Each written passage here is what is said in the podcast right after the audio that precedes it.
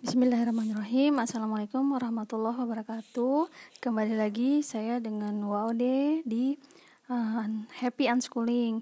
Kali ini saya ingin berbagi pengalaman tentang perjalanan belajar Nunazilu Anak pertama saya usia 15 tahun Yang mengawali uh, homeschooling mandiri saat usianya 12 uh, tahun usia SMP sekarang anaknya sudah SMA kelas 1 Se kak saya pernah mengikuti uh, materi belajar uh, untuk homeschooling untuk menguatkan saya untuk meyakinkan bahwa apa yang saya jalani itu benar apa yang saya jalani ini punya uh, punya dasar gitu. Meskipun selama ini uh, lebih kepada lebih kepada insting lebih kepada oh sepertinya ini baik seperti ini tidak gitu. Selain saya memberikan arahan uh, saya pun memberikan apa memasukkan info apa mencari input-input yang mendukung perjalanan uh, selama homeschooling Nuna. Dan ternyata uh, dari dari kesimpulan yang saya dapatkan kami sering melakukan project based learning belajar berdasarkan pengalaman uh, semua itu berangkat dari kesenangan dan inisiatif anak. Meskipun saya secara pribadi sering uh, bahasa ininya ngomporin gitu. Ayo kita apa nih mau kita kerjakan gitu. Karena dulu awalnya saya oh ya homeschooling ngapain? Oh ya kita main, kita jalan-jalan gitu. Anak pasti senang jika diajak main, jalan-jalan, diberi hadiah gitu. Semua pasti senang gitu dan kompetensi uh, dari project based learning uh, adalah keterampilan yang di uh, yang yang sebetulnya diperlukan untuk uh, mereka nanti. Karena mereka akan hidup di abad yang berbeda dengan kita yaitu ada empat yang harus dimiliki oleh seorang anak. Yang pertama critical thinking atau problem solve. Yang kedua kreativitas. Yang ketiga komunikasi. Yang keempat kolaborasi yaitu anak harus berpikir mampu berpikir kritis gitu. Uh, mampu menciptakan mampu menemukan uh, solusi dari masalahnya. Yang kedua dia kreatif. Yang ketiga mampu berkomunikasi menyampaikan gagasan menyampaikan apa yang diinginkan menyampaikan apa yang dirasakan gitu mendengarkan juga orang gitu. Kemudian berkolaborasi. Mereka uh, mampu bekerja sama dengan orang gitu karena memang mereka makhluk sosial yang tidak bisa hidup sendiri. Kemudian ada empat pilar belajar yang, ditetap, yang diterapkan oleh UNESCO, yaitu learn to be, bagaimana seorang anak mengenal dirinya sendiri. Yang kedua, learn to know, belajar untuk memahami. Yang ketiga, learn to do, belajar melakukan. Yang keempat, learn live, learn to live together, belajar hidup bersama. Kemudian uh, yang menurut saya pribadi, anak tidak akan dapat menemukan pengalaman-pengalaman ini jika mereka hanya duduk manis di kelas, jika di, mereka hanya mendengarkan gitu, jika mereka hanya mendapatkan input. Padahal sejatinya belajar itu adalah inside out, mengeluarkan apa yang dari dalam diri mereka gitu, menjadi sesuatu yang lebih baik, menjadi sesuatu yang berguna, menjadi sesuatu yang bermanfaat karena anak butuh ruang gerak. Di usia-usia kritis usia-usia setelah tujuh tahun dari dari usia kecil mereka senangnya eksplor mereka senangnya melakukan sesuatu. Mereka tidak suka duduk diam gitu. Dan ini sebenarnya uh, menjadi kegalauan dari banyak anak uh, di lingkungan di lingkungan saya pun banyak seperti itu. Jadi anak tuh sebenarnya butuh didengar keinginannya, keluh kesahnya, apa yang menjadi kerisauannya. Lalu uh, untuk memulai untuk melangkah di jalur ini uh, tentu mereka butuh dorongan. Sebetulnya ada dua pendekatan uh, untuk anak-anak belajar. Yang pertama tematik, tematik learning atau top down. Bahasa sederhananya kami atau kita sebagai orang tua memberikan inisiatif belajar kepada anak kita. Kita memberikan uh, worksheetnya, kita menyerahkan uh, apa? Kita mau apa member, memberitahu tujuannya apa kita memberikan memberitahu prosesnya uh, outputnya apa yang ingin dicapai gitu tetapi uh, kelemahannya kita sebagai orang tua harus paham betul bagaimana anak apa yang menjadi peminatannya apa bakatnya dan ini butuh waktu lama untuk proses pengamatan bahkan mungkin sampai mereka mereka dewasa jadi semua sudah disiapkan orang tua. Tetapi dalam kenyataan ini cenderung sulit uh, dilakukan. Karena kita itu tadi harus tahu kegalauannya gitu, harus harus tahu moodnya saat itu. Apakah dia ingin melakukan hal itu, hal yang kita utarakan pada saat itu gitu. Dan biasanya usia-usia krusial ini ada di usia uh, 7 sampai 9 tahun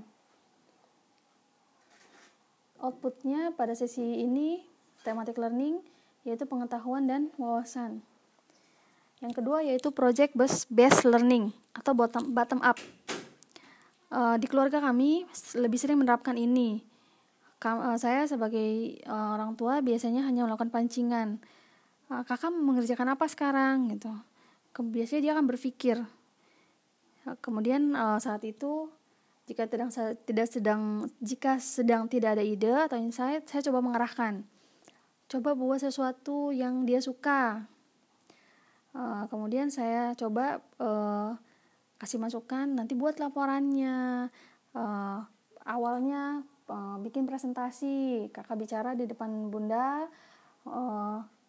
Mengapa memilih tema tersebut gitu. Misalkan makanan.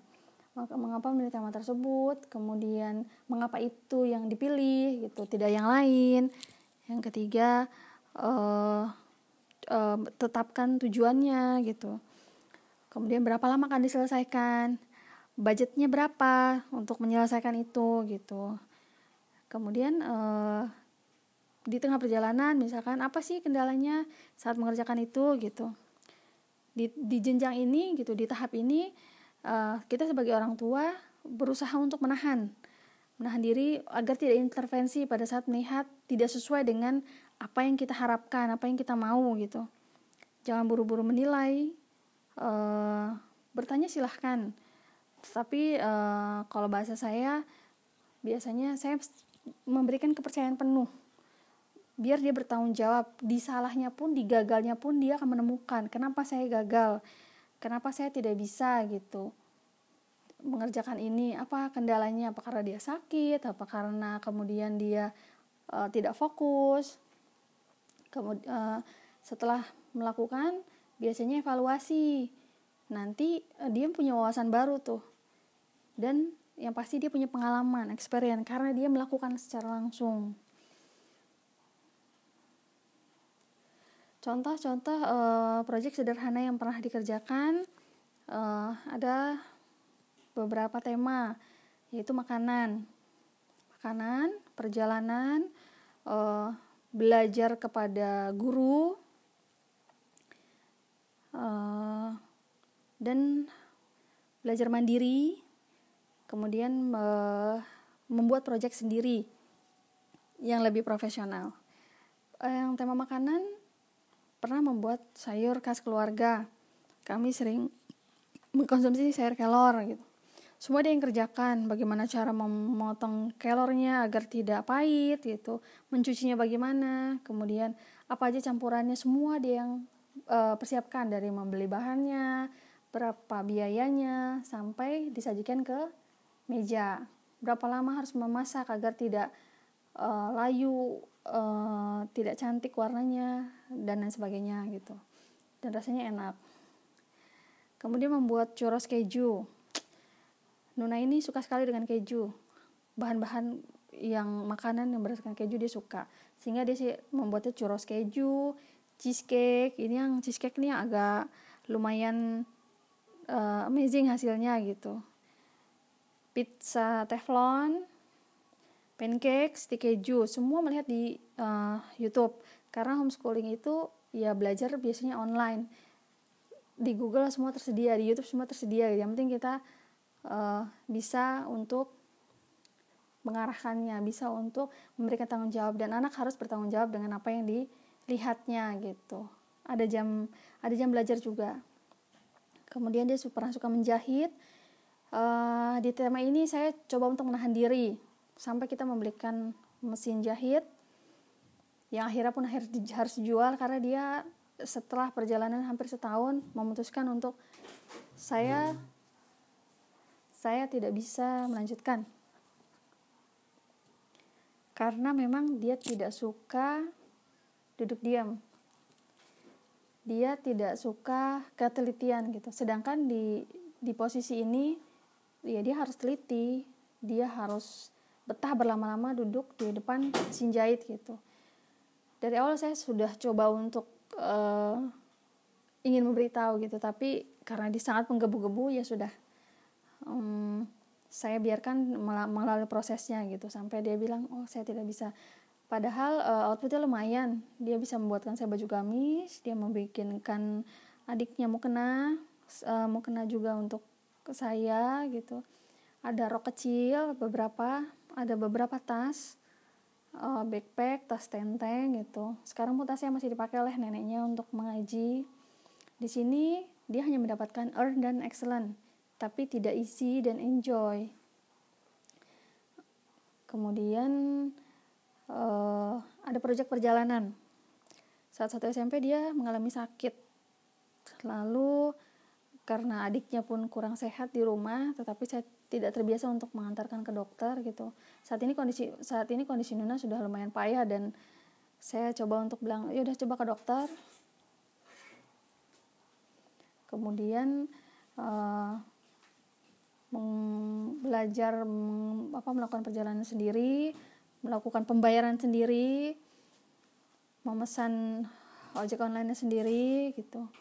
Kemudian uh, di sini lumayan ketar-ketir ya karena waktu itu dia masih kelas 1 SMP dan kondisinya sakit. Tapi alhamdulillah Allah melindungi dan menuntunnya gitu. Uh, lumayan diapresiasi gitu dokternya pun kaget. Oh kamu sendiri gitu. Iya gitu kan karena ada satu lain hal saya tidak bisa mengantar kemudian uh, dia pernah uh, mengikuti giveaway uh, di yang dia yang diadakan oleh uh, temannya juga kegiatan ini di Habibie Center. Saat itu dia menang giveaway-nya yaitu membuat suatu narasi di mana uh, apa yang ingin apa yang ingin dicapai dia gitu apa yang ingin dilakukannya di tahun sekian gitu. Dan saat itu kegiatannya di Habibie Center Pasar Minggu. Naik kereta pulang pergi dan naik ojek online seperti biasa dan beberapa kali perjalanan sit in untuk belajar di komunitas homeschooling di Bogor. Dia PP menggunakan kereta dan ojek online. Semua dikerjakan dari rentang kelas 1 sampai 3 SMP dan dari sini saya lihat kemandiriannya sangat terasah. Dia karena di sini mampu mem, me, mampu me, memimpin dirinya sendiri gitu untuk mengambil keputusan. Dan ternyata dilihat dari hasil talent mappingnya memang dia orangnya uh, bertanggung jawab dan mampu untuk mengambil keputusan sendiri gitu. Dia mampu mengambil tanggung jawab responsibility-nya juga ada. Kemudian proyek uh, berkomunitas. Saat itu saya coba benturkan dengan komunitas. Bagaimana dia jika di lingkungan yang berbeda. Di komunitas ini Bekasi English Club ada banyak sekali rentang usia da dari sepertinya Nuna paling muda saat itu. 13-14 tahun. Yang paling tua ada 50 tahun. Dan masih semangat belajar. Dan di titik ini pun mereka ya lumayan apresiasi dengan kemampuan Nuna yang di usianya masih muda gitu. Dia berani untuk berbicara dalam bahasa Inggris berani mengungkapkan ide-idenya sampai uh, salah satu sesi uh, woman empowerment Nona diminta untuk mengisi dan saat itu lumayan banyak. Saya hadir saat itu meskipun tidak paham tapi mereka sangat apresiasi dan saya senang sekali Nona diberikan kesempatan itu. Kemudian uh, belajar mandiri. Ini awalnya uh, mengisi waktu untuk homeschooling mandiri saat SMP. Dia belajar EXL Math, matematikanya, belajar bahasa Inggris dari uh, Raskit, uh, EXL Art dan Reading Egg. Kemudian bertahan hanya di Reading Egg sampai sekarang. Uh, selama dua tahun mengisi waktu luang ini, uh, ada juga dia kursus yang lain, vokal dan piano. Untuk vokal ini beberapa kali juga tampil gitu, melatih kepercayaan diri juga, melatih uh, untuk berani uh, unjuk kebolehan di depan orang, tapi ternyata kemudian tidak dilanjutkan karena ternyata dia tidak suka tampil di panggung gitu lebih senang membuat video-video dan beberapa outfitnya ada. Dia buat video sendiri video rekaman untuk uh, dia nyanyi cover lagu uh, cari-cari lagu yang disuka dia bikin dia rekam dia mixing dengan suara dengan musik kemudian sampai menghasilkan satu uh, output video dan di share di Instagram kemudian untuk bahasa Inggris setelah dua tahun dia les bahasa Inggris online tahun ketiga saya coba dia untuk uh, mengikuti tes di salah satu lembaga bahasa Inggris uh, yang lumayan sudah lama dan besar di Indonesia. Dan saat itu hasil placement testnya dia masuk di IT 4 dan nomor 3 dari 100 siswa yang saat itu melakukan placement test Eh, sekarang dia sudah ada di posisi intermediate 4 dan inter, uh, IT itu mempunyai 12 jenjang. IT 1 sampai 12 uh, inter, intermediate itu ada 4 jenjang. Intermediate 1 sampai 4 dan dia sudah lulus di intermediate 4 semua dituntaskan dalam waktu satu tahun setengah. Dan loncatan-loncatan jenjang tadi uh, karena dia menunjukkan hasil tes yang lumayan signifikan dan sering menjadi favorit dari gurunya project yang yang project yang paling fenomenal yaitu GoPro to Make Up. Saat di kelas 1 SMP semester 1 ini yaitu dia ingin profesional di makeup dia menyatakan diri ingin profesional di makeup belajar dua kali satu kali privat dua kali kelas eh, satu kali kelas. Kemudian dia coba untuk menerapkan ilmunya dengan mengadakan volunteer 10 sampai 12 orang. Outputnya saat itu video kemudian soal upload untuk sosmed dan mengisi blog. Saya tantang dia untuk coba menulis gitu.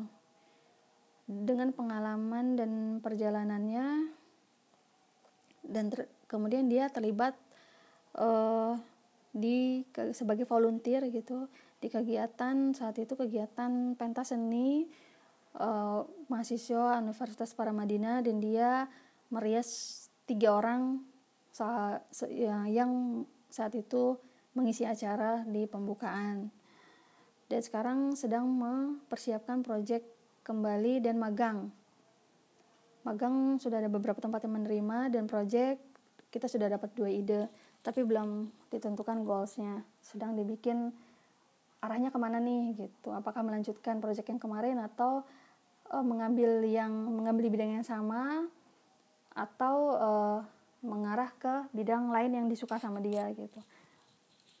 E, demikian hmm, penjelasan kali ini uraian kali ini berbagi pengalaman di happy unschooling.